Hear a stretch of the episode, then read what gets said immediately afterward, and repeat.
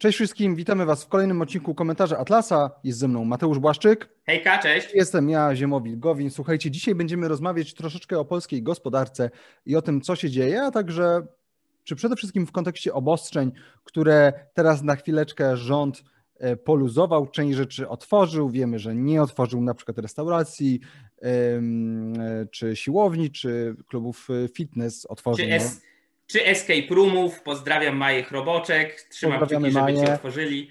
Tak, ale na przykład otworzyli, to już wspominaliśmy, kasyna. Ale dobra, Otóż rząd od początku powiedział, że no to jest próbne dwa tygodnie, więc się tak nie cieszcie. No i docierają nas sygnały coraz, coraz częstsze, no, że rząd może się coraz bardziej skłaniać ku jednak powrocie znowu do tych obostrzeń sprzed dwóch tygodni, Mateusz, wprowadź nas w ten temat. No tak, y, tak jak rząd powiedział, y, dwa tygodnie próby, łaskawie i litościwie y, dał polskiemu społeczeństwu. Jak polskie społeczeństwo nie będzie się zachowywać właściwie, to ten kureczek z tą lekko poluzowaną gospodarką, ten kureczek z odrobiną wolności zostanie z powrotem zakręcony. Rząd już coraz bardziej mówi o tym, że obostrzenia najprawdopodobniej e, wrócą. E, I jak wiadomo, wszelkie tego typu deklaracje zazwyczaj muszą być czymś realnym albo wydumanym, ale poparte. E, musi być, mówiąc krótko, jakiś pretekst ku temu. Tutaj rząd znalazł sobie pretekst dla siebie idealny, a mianowicie o mój Boże, co ci Polacy robią w Zakopanym, co się dzieje na Krupówkach, w ogóle są e, hordy ludzi, e, wielkie tłumy. E, gdzieś czytałem w, którymś, w którejś gazecie, a w zasadzie na portalu którejś z gazet było porównanie, że Zakopane to jest teraz jak Gotham City.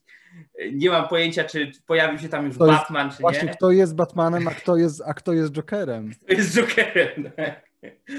No, powiem, gdyby Mateusz Morawiecki nie zajmował się wszystkim y, elegancko w białych rękawiczkach, jak na byłego y, bankiera przystało, to powiedziałbym, że on jest jokerem, bo wprowadza totalny chaos, no ale on tutaj to robi troszeczkę bardziej subtelnie. E, tym niemniej sytuacja y, w Zakopanym, jak to jest tutaj ujęte w artykule na many.pl, czarę goryczy miały przelać obrazki z krupówek, gdzie podczas weekendu tysiące turystów korzystało z uroków zimy. W ostatni weekend do Zakopanego przyjechało nawet 20 tysięcy turystów. I teraz jeśli chodzi o, o powrót do surowszych y, obostrzeń, surowszych restrykcji lockdownowych, no to w rozmowie y, z Wirtualną Polską y, jeden z polityków bliski kancelarii premiera powiedział wprost, że Adam jest bardzo na tak. Adam Niedzielski, czyli minister zdrowia, który generalnie Adam Niedzielski tutaj jako minister zdrowia od początku i nadal e, tak było i nadal tak jest, jest zwolennikiem właśnie tego surowszego, ostrzejszego dokręcania śruby. E, a Morawiecki na poniedziałkowej konferencji prasowej też powiedział dość wprost. Jeśli dojdzie do wzrostu zakażeń, zamiast luzować, będziemy musieli wprowadzać nowe obostrzenia.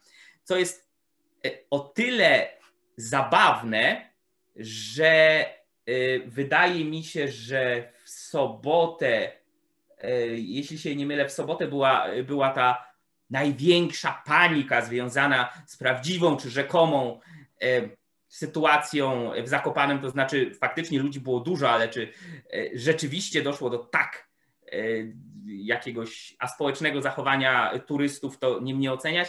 Natomiast było to bodajże chyba to apogeum w sobotę, a już w poniedziałek rząd stwierdził, liczba zarażeń wzrosła. Tak, i tutaj jeszcze. Powiem... W jaki sposób magią to zbadał, nie wiemy, czy poradził się jakieś wróżki, zębuszki, czy wyroczni delfickiej, ale tak siak od soboty do poniedziałku rząd już wie, że liczba zachorowań wzrosła e, w sposób przerażający. Tak, i, i, i, są bardzo za to krytykowani, w tym właśnie minister Niedzielski, który wczoraj opublikował tweeta z jakimiś statystykami. Odwrócenie tendencji staje się faktem. tak? A tutaj bierzmy pod uwagę to, że żeby w ogóle poczekać na to, czy ewentualnie to, że ileś tam osób było na kropówkach w tym samym czasie gdzieś na ulicy i sobie śpiewało i tańczyło i piło sobie, nie wiem, piwo, to będziemy wiedzieć za tydzień, dwa. Poza tym pamiętajmy, że codziennie no, miliony, setki tysięcy, jak nie miliony Polaków wchodzą do sklepów, wchodzą do pracy. Pamiętajmy o tym, że y, też y, prawdą jest, że no jednak zostały otwarte szkoły i to też może być to siedlisko zakażeń, tylko że nasz rząd w ogóle nie, rząd w ogóle nie zbiera statystyk, jeżeli chodzi o konkretne e, punkty, w których ludzie mogą się e, zakażać i wzajemnie, i wzajemnie zarażać. Więc no tak jak powiedziałeś, no to jest zupełny, to jest zupełny absurd. E, ja właściwie nie wiem, po co to jest robione. Mm, natomiast ciekawego, ciekawe są głosy, że Mateuszowi Morawieckiemu nie jest to na rękę. Tutaj na przykład Łukasz Warzecha pisze, Stawiam, że nie będzie powrotu do restrykcji w pełnej wcześniejszej formie. To wyjątkowo nie pasuje teraz Morawieckiemu politycznie. Natomiast gdyby jednak spróbowano, bo mogę się mylić, sądzę, że poziom buntu będzie wyższy niż był. Ludźmi nie da się w ten sposób kołysać w nieskończoność. Ja też tak sądzę, ja też tak e, sądzę. E, no i tutaj jednak, no bo ludzie po prostu widzą ten absurd, widzą tę zupełną arbitralność tego, co otwieramy, co zamykamy, Mm, tutaj te kasyna są, na, są najlepszym e, przykładem. No i oczywiście ta obłuda, że te krupówki mają coś tam zmieniać, ale od iluś miesięcy ludzie gromadzą się w sklepach meblowych i wielkopowierzchniowych sklepach meblowych, w Ikeach i tak dalej i, i nikt nic nie mówi, tak? A tutaj mamy jakieś wyjście jedno czy dwa ludzi na ulicy, na, pamiętajmy, świeżym powietrzu, E, więc to, że akurat nie mają maseczek, to aż takiego wielkiego znaczenia nie ma. I sądzę, że, że to jest po prostu szukanie, e, szukanie kozła ofiarnego. Tylko ja nie rozumiem szczerze, czemu już teraz. Czemu już teraz? Czemu nie poczekali wiem, z tygodnia, wtedy by wskazali. To jest dla mnie zagwostka. Wydaje mi się, że oni już są na tyle przyzwyczajeni e, do tego, że co powiedzą, ktoś to kupi, że nie specjalnie nawet muszą się tym aż tak przejmować. E, zwłaszcza, że akurat temat e, około covidowy, temat lockdownu i tak dalej, to jest praktycznie coś, gdzie rząd i opozycja w większości różnią się minimalnie, różnią się detalami. Raczej jest to ta sama narracja i tutaj e, jest narracja, która idzie ramię w ramię TVP, TVN, PiS i Koalicja Obywatelska.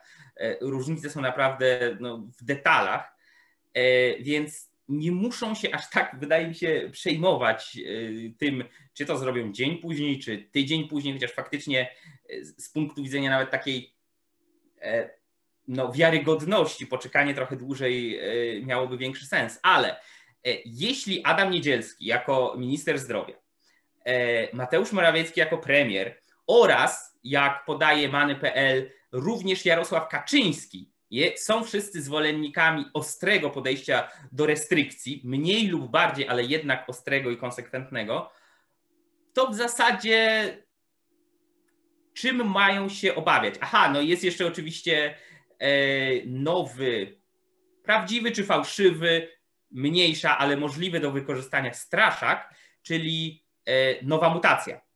Tak? E, Z Nigerii. Tak, nowa, nowa mutacja e, COVID-a, e, która tutaj mam e, w bankier.pl artykuł. U naszych sąsiadów jest to w tej chwili przeważająca mutacja. Sytuacja U naszych sąsiadów z Nigerii. Raczej chodziło o Czechy i Słowację, ale w Nigerii najprawdopodobniej też. I to jest wice, wiceszef resortu Waldemar Kraska. Um, więc. Więc mega, mega jaszczury z Alpha Centauri po prostu przybyły tak. i zmutowały tak. koronawirusa. Mm, więc no ten brytyjski, ten, ten z tą herbatką, z tym brytyjskim akcentem już powoli przestaje być taki straszny. Teraz tak. jest nowy, afrykański, dziki. E, więc pozostając w temacie e, w ogóle obostrzeń i tych kwestii, e, chcieliśmy też poruszyć kolejny temat, mianowicie temat związany z przedsiębiorcami i restauratorami, którzy się buntują. Być może pamiętacie, że dotychczas były no moim zdaniem skandaliczne wytyczne e, głównego inspektora sanitarnego i to były takie wytyczne, które miały polegać na tym, że Sanepid miał po prostu wchodzić do tych buntujących się e, restauratorów, pod pretekstem, no bo pamiętajmy, że oni to robią tak naprawdę legalnie, zgodnie z konstytucją się otwierają, a Sanepid po prostu tam wchodził pod pretekstem udawanych kontroli żywności, e, właściwie z już przygotowanymi karami. Mateusz, co się w tej materii zmieniło? Okazuje się, że e, wbrew e, obawom e, sceptyków, bunt przedsiębiorców wydaje się przynosić jakieś wymierne wymierne korzyści, wymierne konsekwencje. Sanepid wycofuje się z udawanych kontroli. Nie będzie już odwiedzać buntujących się restauratorów pod pretekstem właśnie tych udawanych kontroli żywności. Nie będzie już przychodził z gotowymi karami administracyjnymi. No i GIS, główny inspektor sanitarny, zalecił wycofanie się, e, wycofanie się z tego. Tutaj o sprawie poinformowało e, jako pierwsze bodajże Radio Z. Już w zeszłym tygodniu ujawniło wytyczne sanepidu i to, że w tej chwili powoli już się od tego odchodzi, tak? No, same te wytyczne, sam fakt, że główny inspektorat sanitarny zalecił, żeby kontrolować lokale gastronomiczne pod względem restrykcji covidowych, a pod pretekstem kontroli jakości żywności, no jest moim zdaniem e, z jednej strony absurdalne, z drugiej strony oburzające. No, to, to nie jest coś, co powinno mieć e, miejsce e, w jakimkolwiek na poły chociażby cywilizowanym kraju, jako że instytucja, która ma tak dużą władzę, a Sanepid ma w Polsce dużą władzę, musi, powinna być zobowiązana do tego, aby jawnie i otwarcie mówić, co, po co i dlaczego przychodzi kontrolować.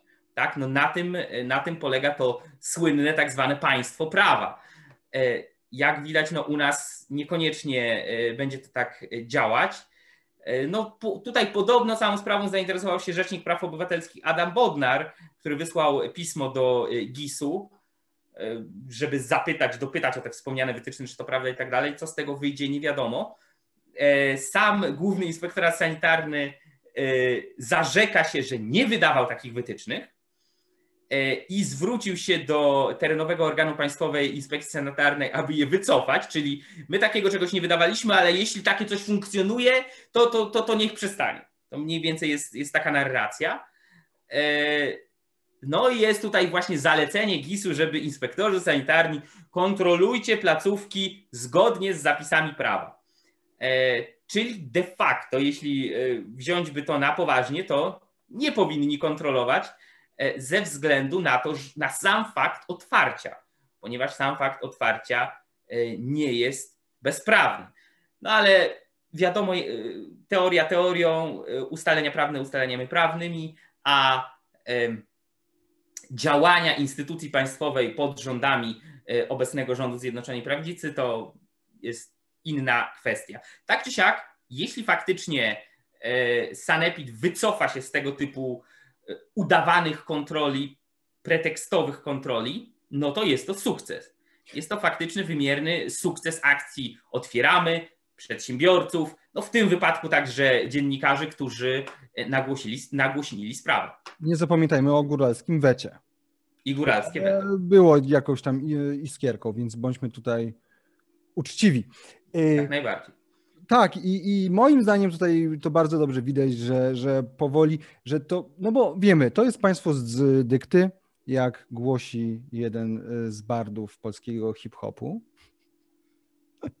Tak, to, to jest państwo z dykty i nawet ta, słuchajcie, no nawet gdyby Kaczyński chciał wprowadzić, nawet gdyby wprowadzili tu jakiś system totalitarny, to on by był na tak glinianych nogach, że pewnie zanim by nas dowieźli do tych obozów e, pracy, to te, to te obozy pracy, to te pociągi by się rozpadły, a obozy pracy by się okazało, że zostały wybudowane na bagnie. I... Tak, że obozy pracy są tak naprawdę chatka, chatkami z G.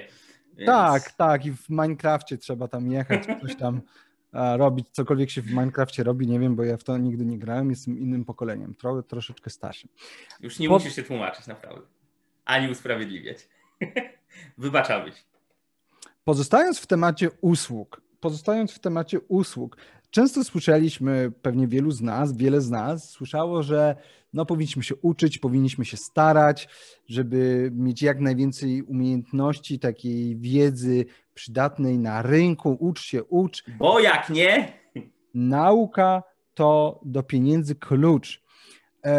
No i często się mówiło, że uważaj, bo skończysz jako sprzedawca, uważaj, bo skończysz na kasie. Swoją drogą ja na kasie pracowałem. Zresztą ty, Mateusz, chyba też częściowo pracujesz. Tak, nie no.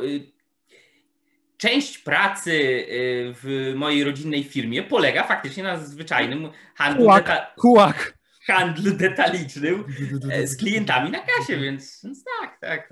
No właśnie. Nie ma w tym żadnej hańby. Wiele osób i wiele osób patrzy się na tę kasę jako na coś takiego strasznego, a tutaj się okazuje, że czasami lepiej pracować na kasie, jest to bardziej opłacalne niż na przykład być urzędolem. Mateusz? Ja powiem, nie tylko jest to bardziej opłacalne, jest to także bardziej moralne, więc dwa w jednym. Dwa w jednym. E, tak, to jest drobna ciekawostka. E, bardzo często, właśnie tak jak ty powiedziałeś, Ziemowit pokazuje się, że tą najgorszą rzeczą, co ci może, co, która może ci się przydarzyć, skończysz na tej kasie i będziesz wykorzystywany w tych wielkich zachodnich koncernach, e, bo będziesz zmuszany do pracy w Biedronce, w Lidlu i tak dalej. Natomiast zarobki kasjerów w dyskontach idą w górę. E, no tutaj fragment artykułu z many.pl. Pensja w dyskoncie coraz atrakcyjniejsza. Gorzej niż początkujący pracownik Lidla i Biedronki zarabia na starcie urzędnik w skarbówce czy w ZUS-ie. I mnie się to podoba. E, także strażak na początku kariery nie ma co liczyć na takie pieniądze. Wynagrodzenia w budżetówce stanęły. Moim zdaniem akurat to jest jedna z niewielu rzeczy, e, co do których można powiedzieć, ok, to jest coś, co rząd powinien faktycznie zrobić. E, w takiej sytuacji, jaką mamy, nie powinien podnosić wynagrodzeń w budżetówce. To jest rozsądne i racjonalne działanie, więc tutaj pod tym względem dobrze. E, więc nie będzie podwyżek nagród premii dla urzędników. Wielu urzędników ominą też awanse.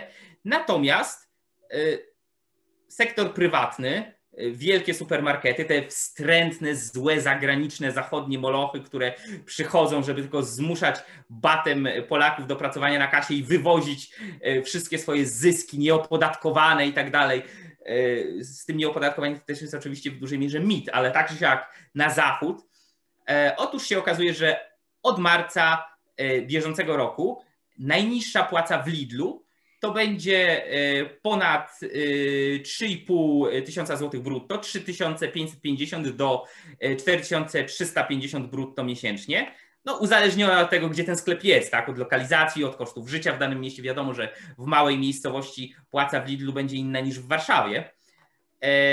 A po, już po dwóch latach w sklepie będzie to odpowiednio 3900 do 4800 brutto. Pomyślmy, co by było, gdyby rząd nie zabierał tych wszystkich pieniędzy. Ile tak. by taka osoba na kasie zarabiała? To jest niesamowite.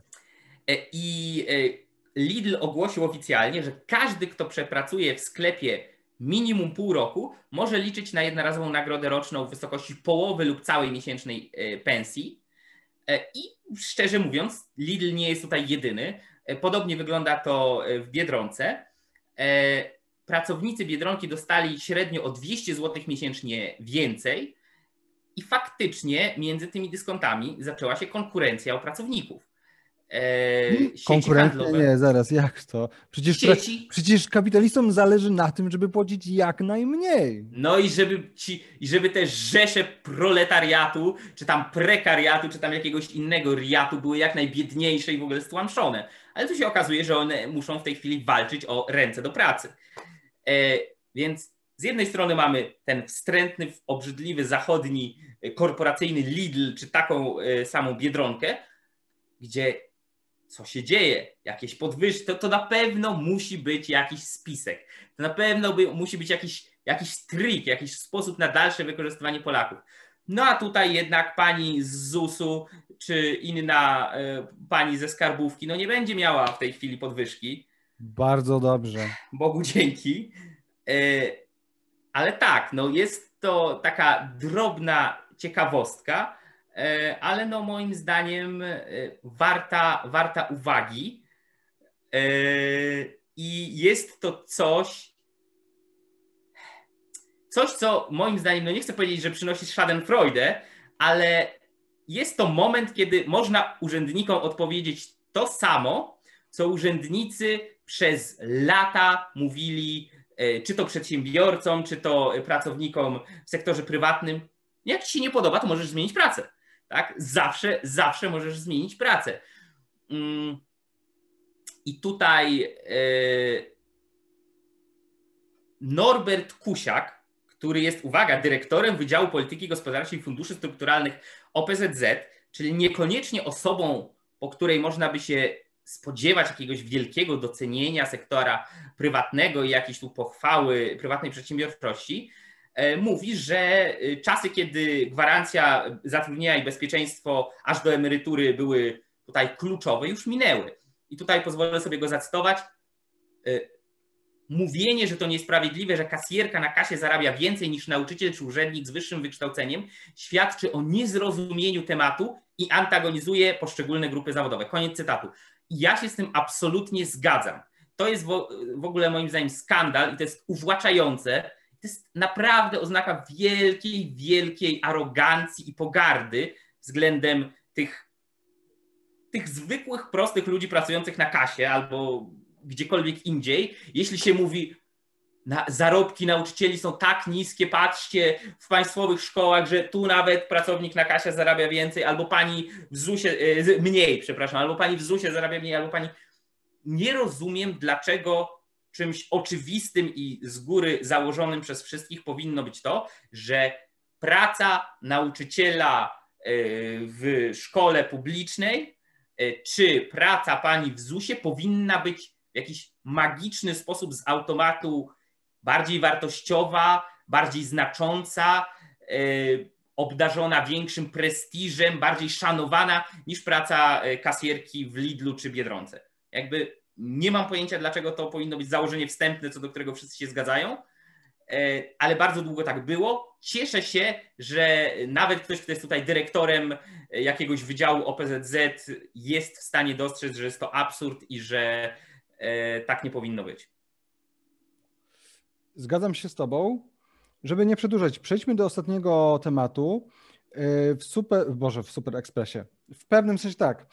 W programie Ekspres Biedrzyckiej, e, Kamili Biedrzyckiej wypowiadał się ostatnio Marek Belka, mm, euro, eurodeputowany z ramienia Lewicy i powiedział, że Jedynymi krajami Unii Europejskiej, które nie wpadły w recesję są Irlandia i Litwa, ale my i tak jesteśmy wysoko. Wysoko w sensie tego, że nie jest aż tak źle. Uważam, że jest naprawdę nie najgorzej. Gdybym był na miejscu premiera, też bym się chwalił.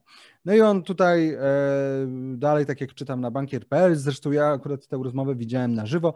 Belka w rozmowie z dziennikarką ocenił, że, że 2020 rok nie był najtrudniejszy w historii trzeciej RP, bo notabene E, to, to, była jego, e, to była jego riposta na twierdzenie Morawieckiego, że to jest, że to, że to jest teraz najtrudniejszy okres. On, no, na co odpowiedział, najtrudniejsze były dwa, trzy pierwsze lata transformacji po komunizmie, co zresztą nie dziwi. Po drugie, jest teraz taka sytuacja, że spadek e, PKB o 2,8% nas cieszy. Jedynymi krajami Unii Europejskiej, które nie wpadły w recesję, E, no to już powiedziałem, są Irlandia i Litwa, no i my jesteśmy wysoko. No i właśnie powiedział, że też by się chwalił, że też by się chwalił.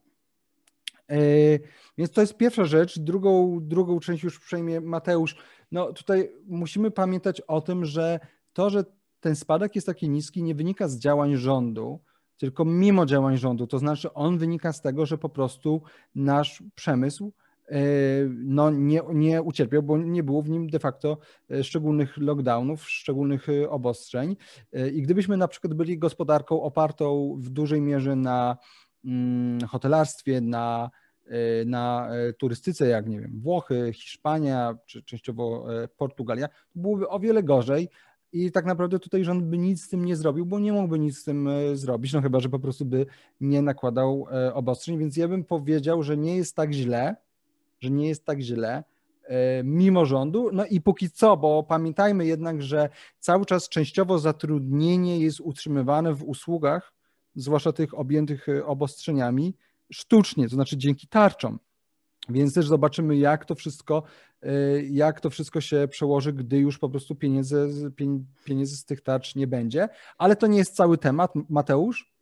No, ja tutaj jeszcze bym dodał do tego, że a propos sztucznego sposobu utrzymywania tego, tej rzekomo nie najgorszej sytuacji, e, kilka odcinków komentarza Atlasa mówiliśmy o tym całkiem sporo, e, a mianowicie o absurdalnie dużym i ciągle rosnącym, największym w Unii e, długu publicznym i o tym, jak zaczął puchnąć deficyt budżetowy od tego, jak był na początku zapowiadany, zarówno w 2020, jak i teraz y, widać to już powoli w 2021, jak był na początku zapowiadany przez premiera, a później był coraz większy, większy, większy, większy i wbrew pozorom, co trzeba podkreślić mocno, duża część tego rosnącego deficytu y, budżetowego y, w wydatkach publicznych nie jest bezpośrednim wynikiem pandemii, nie jest bezpośrednim wynikiem żadnych tarcz sensownych czy nie, to jest inna dyskusja.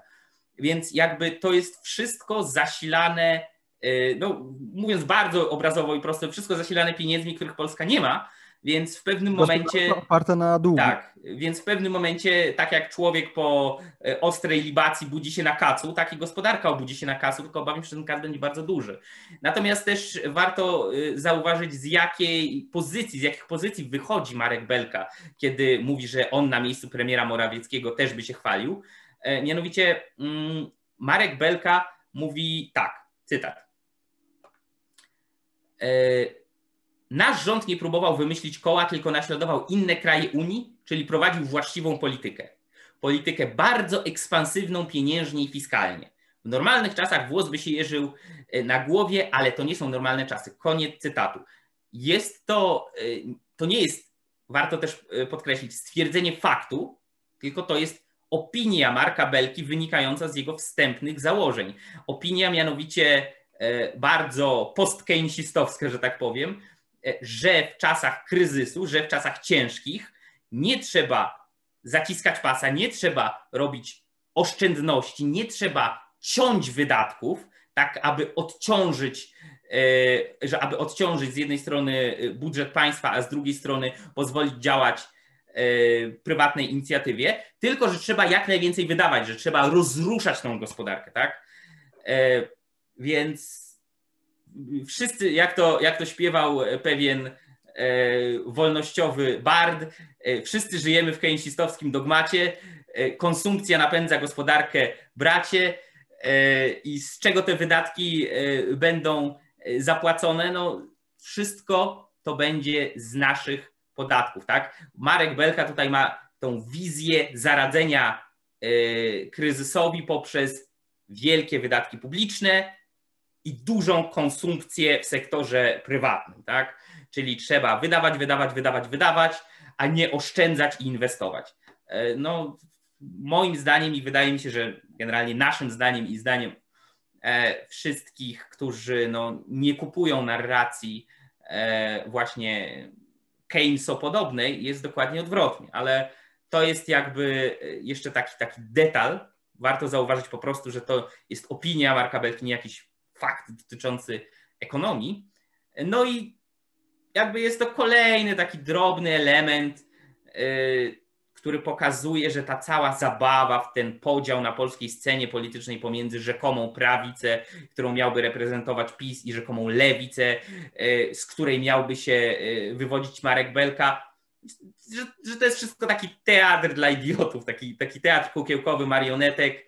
Marek Belka z Mateuszem Morawieckim w olbrzymiej części spraw, moim zdaniem większości, śmiało mogliby sobie po prostu podać ręce, nie byłoby między nimi większych scysji poza scysjami y, osobistymi i jakichś tam znajom, pod względem znajomości. Jeśli chodzi o politykę gospodarczą, y, Marek Belka, który przypomnijmy, był, miał okazję być zarówno premierem Rzeczypospolitej Polskiej, jak i niestety szefem Narodowego Banku Polskiego no jest etatystą i interwencjonistą, ale tak samo jest e, premier Mateusz Morawiecki, więc jakby tutaj w żaden sposób mnie nie zaskakuje, tak jak niektórych, e, na przykład niektórych ludzi w komentarzach pod artykułami, na przykład na bankier.pl, zaskakuje, że jak to oto lewicowy, wywodzący się ze środowisk eseldowskich i po, e, eseldowskich, a jeszcze wcześniej z PZPR, przecież e, Marek Belka tutaj nagle chwali Mateusza Morawieckiego,